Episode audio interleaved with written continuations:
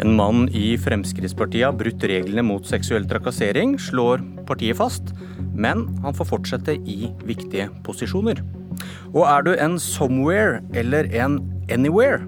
Listhaug, ACER og Trump kan vi forstå verden bedre ved å dele den i to. De lærde strides i Politisk kvarter. Vi begynner med konklusjonen i en mye omtalt metoo-sak i Fremskrittspartiet. En mann med viktige verv i Frp og i Fremskrittspartiets Ungdom har vært anklaget for seksuell trakassering. Helge André Njåstad, leder for organisasjonsutvalget som behandler denne type saker i Frp. Da saken ble kjent i offentligheten etter jul, sa du at du ville ikke ville snakke om innholdet i varslene før saken var ferdigbehandlet. Nå er den ferdigbehandlet. Hva er det denne mannen har gjort? Nei, eh, det er jo som du sier at, eh, at det er sak i kjølvannet av metoo. Men eh, det er mulig at jeg har sagt at jeg ikke vil snakke om det før saken er ferdigbehandla. Men jeg vil fremdeles ikke gå inn i detaljene i saken av hensyn til både de som har varsla og personen det er varsla om. Så er det viktig for oss at vi behandler sakene med konfidensialitet, sånn at ikke de som varsler risikerer å bli møtt med at historiene deres blir kjent i media, eller at denne personen som det gjelder skal bli risikerer at eh, hans historie blir kjent i media. Så jeg bidrar ikke til, til, å gjøre kjent ting som ikke er kjent, med å fortelle deg ting som ikke du vet. Ok, Så du mente ikke det du sa. Da får jeg opplyse om at mannen har spurt en 14 år gammel jente om hun ville ha sex. En annen jente sier mannen har befølt henne første gang da hun var 13 år. En jente som var 16 år har hevdet at mannen forsøkte å kysse henne og en venninne mot deres vilje, og han sa at man ikke blir noe i partiet hvis man ikke ligger med folk på toppen. Det skal til sammen være minst fire varsler med enkelte svært alvorlige anklager, og de strekker seg over flere år. Og så har dere konkludert med hva? Ja, nå tar ikke jeg eh, for god fisk alt som du sier at det er faktum. Eh, saken er langt mer komplisert enn at man bare tegner et sånt bilde som du gjør. Eh, så, så, jeg går ikke inn i det. Eh, men vår konklusjon er at, eh, at, dette har vært en alvorlig sak. Eh, det har vært episoder som ligger tilbake i tid, som er av en sånn karakter at vi ikke syns at det er greit. Og det har gitt en, en kraftig advarsel til vårt medlem. Eh, og sagt at dette ikke er greit. Eh, men så eh, er det som sagt ting som ligger tilbake i tid. Man har òg tidligere hatt en dialog som har munna ut i at man har fått beskjed om at man må endre atferd, og det er blitt gjort. Hvis man leser uttalelser fra denne personen i media senest i dag, så sier han jo at han har beklaga og lagt seg på en ny kurs, og at dette, den oppførselen hører fortida til, og at han nå retter blikket framover og har en, en, annen, en annen, oppførsel eh, framover. Det sier vel alle som blir tatt med buksa nede? Eh, Hvorfor tror du på han? Eh, ja, men uh, nå legger du til grunn at, uh, at vi ikke ser, ser alvorlig på, på, disse forholdene. Men, men, du, men du, sier det, du, sier det, at du ser alvorlig på det, men likevel så får han da fortsette i viktige verv i partiet og i ungdomsorganisasjonen. Hvordan forklarer du det? Eh, fordi at eh, forholdene ligger langt tilbake i tid, og det har vært en atferdsendring i et element. Eh, men tillitsverv er jo ikke noe man har på som evig tid i et parti. Det er jo verv som gjelder for en kortere tid, og som må gjenvelges. Og da er det da organet som, som velger deg, som må uttrykke om man fremdeles har tillit, og om man får nye perioder i de tillitsvervene som man har. Så det er ikke noe som som man sitter i til, til, evig tid. Det er ting som man må gjøre seg fortjent gjennom tillit hele veien. Du, du, sier han har lovet å endre atferd. Vi kan se på hva han selv har sagt om disse sakene til NRK. Han har ment at dette er et ledd i en maktkamp, der noen forsøker å skvise han ut av Fremskrittspartiet Ungdom. Eh, jeg ser ingen grunn til å ta noen konsekvenser, da jeg mener det ikke er noe grunnlag for det, har han sagt. Han nekter for å ha forsøkt å kysse de to jentene, og for å ha sagt at man må ligge seg til toppen, og at spørsmålet om 6-14-åringen var en spøk. Eh, han mener jo at han ikke har seksuelt trakassert noen. Hvor bevisst er han rundt dette da, syns du? Eh, det, det, er mulig at han har sagt det, men han har òg sagt at han beklager eh, hvis han har blitt oppfatta sånn eh, til, til, media. Men nå syns jeg det blir feil at jeg skal forsvare en person som blir omtalt uten at han sjøl får komme med sin direkte, sak, eller direkte tilsvar til deg om sin sak. Nei, Du må jo forsvare at de, dere i organisasjonsutvalget som håndterer denne type saker, konkluderer med at han får et brev med en advarsel, men at han får fortsette i sine verv i ungdomspartiet. Ja, men Ungdomspartiet har jo landsmøte om 14 dager, og det er der man har, eh, tar stilling til, til, tillit videre. Sånn at det er ungdomslaget sjøl som må, må avgjøre eh, hvilke personer som har deres tillit til å representere ungdomslaget i ulike roller. Du har ikke noe eh, mening om det? Eh, jo, men ikke som leder i organisasjonsutvalget. Eh, og jeg tenker at ungdommene i FPU er, godt i stand til å avgjøre sjøl hvem de har tillit til, og hvem som skal representere FPU i de ulike organene som FPU sjøl velger. Eh, og Det vil de gjøre på sitt landsmøte om ca. 14 dager. Hva tenker du om at en av varslerne føler seg utrygg og frykter at andre kan oppleve det hun gjorde, når han får fortsette i sine verv? Når dere ikke gjør noe mer enn en reaksjon som hun sier hun ikke får vite noe om? Eh, varslerne får vite eh, at, eh, at vi har ferdigbehandla saken, og at, at, det har fått en konsekvens gjennom at, at det, er gitt en advarsel. At varslere føler føler seg utrygge, syns jeg selvfølgelig ingenting om. Det skal være trygt å være tillitsvalgt og være til stede både i Frp og FPU-arrangement. Derfor har vi veldig fokus på organisasjonskultur. Eh, derfor gjør vi de tiltakene som trengs for at folk skal, skal være trygge. Eh, og dette er noe vi har fokus på eh, hele veien, og det skal være trygt å være til stede på arrangement i, i vårt parti.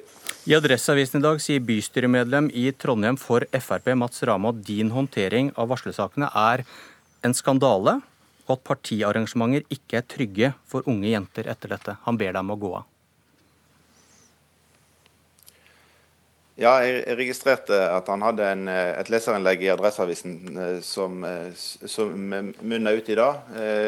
Mitt, mitt, svar er at det skal være trygt, og at vi skal selvfølgelig sørge for at Men skjønner du at noen lurer når dere ikke vil forklare hvorfor han Hvorfor det ikke får noen flere konsekvenser for denne mannen, som dere selv sier har brutt reglene mot seksuell trakassering. Og så får han en advarsel, men ikke noe mer. Tror du da foreldre kan føle seg trygge på at ungdommen kan sendes til disse arrangementene og være trygge? Jo, jeg, jeg, skjønner at det kan stilles spørsmålstegn med at uh, uh, Men jeg tror folk likevel forstår at vi ikke kan fortelle uh, hele historien ute i media. fordi at dette berører både enkeltpersoner på, på den ene og den andre sida. og det blir helt umulig å ha en polemikk om sånne type saker i, i, i det offentlige rom. Så, så, Dessverre så kan vi ikke opplyse alt som vi vet om sånne type saker, alle den dialogen vi har hatt. Eh, men jeg kan understreke veldig tydelig at, eh, at de tingene som, som, her ikke er greit, har vært formidla veldig tydelig. At det, det, er ikke greit. Eh, og jeg oppfatter òg at selv om du har andre sitat på alvorlighetsgrad, så har man lagt seg i, stor grad flat og sagt at dette er ikke en grei oppførsel. Da, som ikke er en grei oppførsel. Men så er det element her også som Eh, som man ikke kjenner seg igjen i og som man ikke føler er riktig. Og, eh, men uten at jeg skal gå inn på enkelthetene i, i, i behandlingen. Eh, men alle som sender ungene sine til, til FBU-arrangement, skal være trygge på at vi gjør hva vi kan for at det skal være trygt å være der. Okay. Og de som har fått en kraftig advarsel fra partiet og sagt at man har endra kurs, så er sjansen for at, at vedkommende begår nye brudd mot regelverket langt mindre. Du, da du fikk spørsmål tidligere i år om uh, saker som skjedde før din tid som leder av organisasjonsutvalget sa du det blir helt feil av meg å svare på det som skjedde før min tid i organisasjonsutvalget. Jeg har ansvaret for å behandle sakene som har skjedd etter 2013. Hva som ligger i historikken til partiet før den tid, er av mindre betydning. Så hvis dere bytter mannskap i organisasjonsutvalget nå, hvis du går av, så trenger dere ikke lenger svare for disse metoo-sakene vi har snakket om i dag og etter jul. Hva som ligger i historien til partiet før den tid, er av mindre betydning. Eh, nei, jeg kan svare på det som skjer på, på min vakt og, og, de saker som skjer. Men jeg, jeg går aldri men hvis du, går, hvis, som... hvis du går av, så trenger ikke partiet bry seg med disse sakene mer. er jo logikken da i det du sier? Nei, logikken er at jeg svarer for det som skjer i min tid. Eh, og så kan man snakke med de som satt til stede der. Men jeg, har selvfølgelig ikke inngående kjennskap i taushetsbelagt informasjon som skjer før min tid, på samme måte som eh, Eh, men det som har skjedd eh, fra 2013 til i dag, kan jeg selvfølgelig svare overordna på, men ikke på en sånn måte at det går ut over taushetsplikten som vi har overfor både varslere og det det gjelder. Ok, Takk, Helge André Njåstad.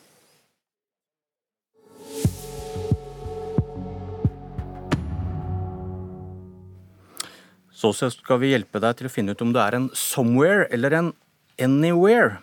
Hvis du har lest Aftenposten i det siste, har du kanskje tenkt deg fram til hva som passer. For i jakten på å forklare hva vi krangler så høylytt om, har den britiske forfatteren David Goodhart kommet med denne inndelingen. Anywheres er eliten, de urbane og liberale, de rotløse. Somewheres er de som er opptatt av hvor de bor og hvor de kommer fra. De er opptatt av tradisjonelle verdier og skeptisk til konsekvensene av innvandring. Anywheres har makten, og de ser ned på somewheres som reagerer med populisme og nasjonalisme.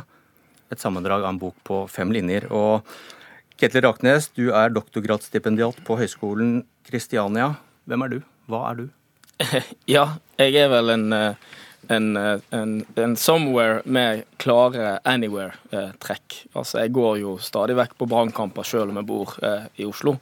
Eh, men for å si det veldig enkelt, så er det klart at Goodouts sin bok er fascinerende. Eh, den sier oss nok mye om utviklingen i Storbritannia og i USA. Men som analyseredskap til å si noe fornuftig om den politiske utviklingen i Norge, har den nok begrenset eh, verdi. Hvorfor det? Hvis du sa, Hans hovedutgangspunkt er diskusjonen om brexit og hvordan den har splittet den britiske eh, befolkningen. og det der Disse kategoriene anywheres og somewheres handler om de som enten vil at Storbritannia skal forbli i EU, eller om de skal trekke seg ut av EU.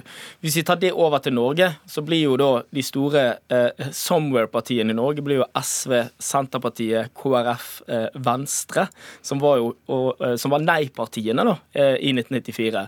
Mens da de store anywhere-partiene vil jo da f.eks. da bli Frp, Høyre, eh, Ap. Og alle som vet litt om norsk politikk, vet jo at ting er nok atskillig mer sammensatt enn som så. Så det viser nok litt det at den todelingen kan fungere i topartisystemer som USA og Storbritannia, mens i Norge så fungerer det nok neppe på samme måten. Elin Ørjasæter, redaktør i Arbeidsnytt og kollega og lektor på Høgskolen i Kristiania. Hva er du? Jeg eh, definerer meg vel som en anywhere, men med sterke sympatier for somewheres. Fordi de eh, er eh, de som har minst makt. Hvor, hvorfor er du enig med din kollega Raknes i at dette ikke er så brukbart i Norge? Du, eh, Sånn som disse teoriene var eh, referert i Aftenposten, så syns jeg det treffer den norske debatten og den norske virkeligheten veldig godt. Vi har jo tidligere teorier om eh, sentrum-periferi, og så har vi en høyre-venstre-akse. Men jeg syns denne, denne inndelingen gir mer i den situasjonen vi er akkurat nå. Og Raknes nevnte brexit og EU, men i Norge har vi jo EØS, eh, e som er en veldig aktuell problemstilling f.eks. For i forbindelse med innvandring, og som treffer denne, eh, denne situasjonen vi er Altså, hans teorier treffer jo veldig bra akkurat nå, syns jeg. Hvor, hvorfor trenger vi en slik eh, analyse og slike verktøy, Røsæter? Jo, fordi NOS er de som ruler i presse, i akademia. De som eh, også hele tiden demonstrerer en slags egenopplevd moralsk overlegenhet overfor Somewheres. Og nettopp da er det viktig å vise fram Somewheres som eh, den største gruppa. Og heldigvis i Norge så har vi, og det var jo Raknes inne på, vi har jo partier hvor denne Anywhere, Somewhere-tankene eh, det går litt på kryss og tvers i den norske partistrukturen. Og det er også en veldig styrke i Norge. Vi eh. har Somewheres både i Senterpartiet og i Fremskrittspartiet. Raknes, eh, hvorfor er dette en teori som mange på høyresiden trykker til sitt bryst? Fordi at den nok bekrefter eh, et virkelighetsbilde som, hvor man kan dele verden i de som har skjønt det, og de som ikke helt har skjønt det. Eh, du må huske på at Goodhart har et litt spesielt utgangspunkt. Han var jo i utgangspunktet en liberaler, sto på venstresiden, og så leste han en del ting og fikk tenkt seg litt om, og nå er han jo mer konservativt eh, orientert. Og det er klart, eh, de som er over, På samme måte som folk som går fra høyresiden til venstresiden er veldig populære på venstresiden, så er folk som går fra venstre til høyre veldig populære på ti, høyresiden. Ti sekunder til slutt, Røsæter. Ja, Det er jo ikke et spesielt utgangspunkt eh, som Gudhard tar det her. Det er faktisk et mer og mer alminnelig utgangspunkt. Det er at man går fra venstre til høyresiden fordi verden forandrer seg. Og når verden forandrer okay. seg, når vi ser ulempen av globaliseringen, Vår tid er, da er det også fornuftig å endre standpunkt.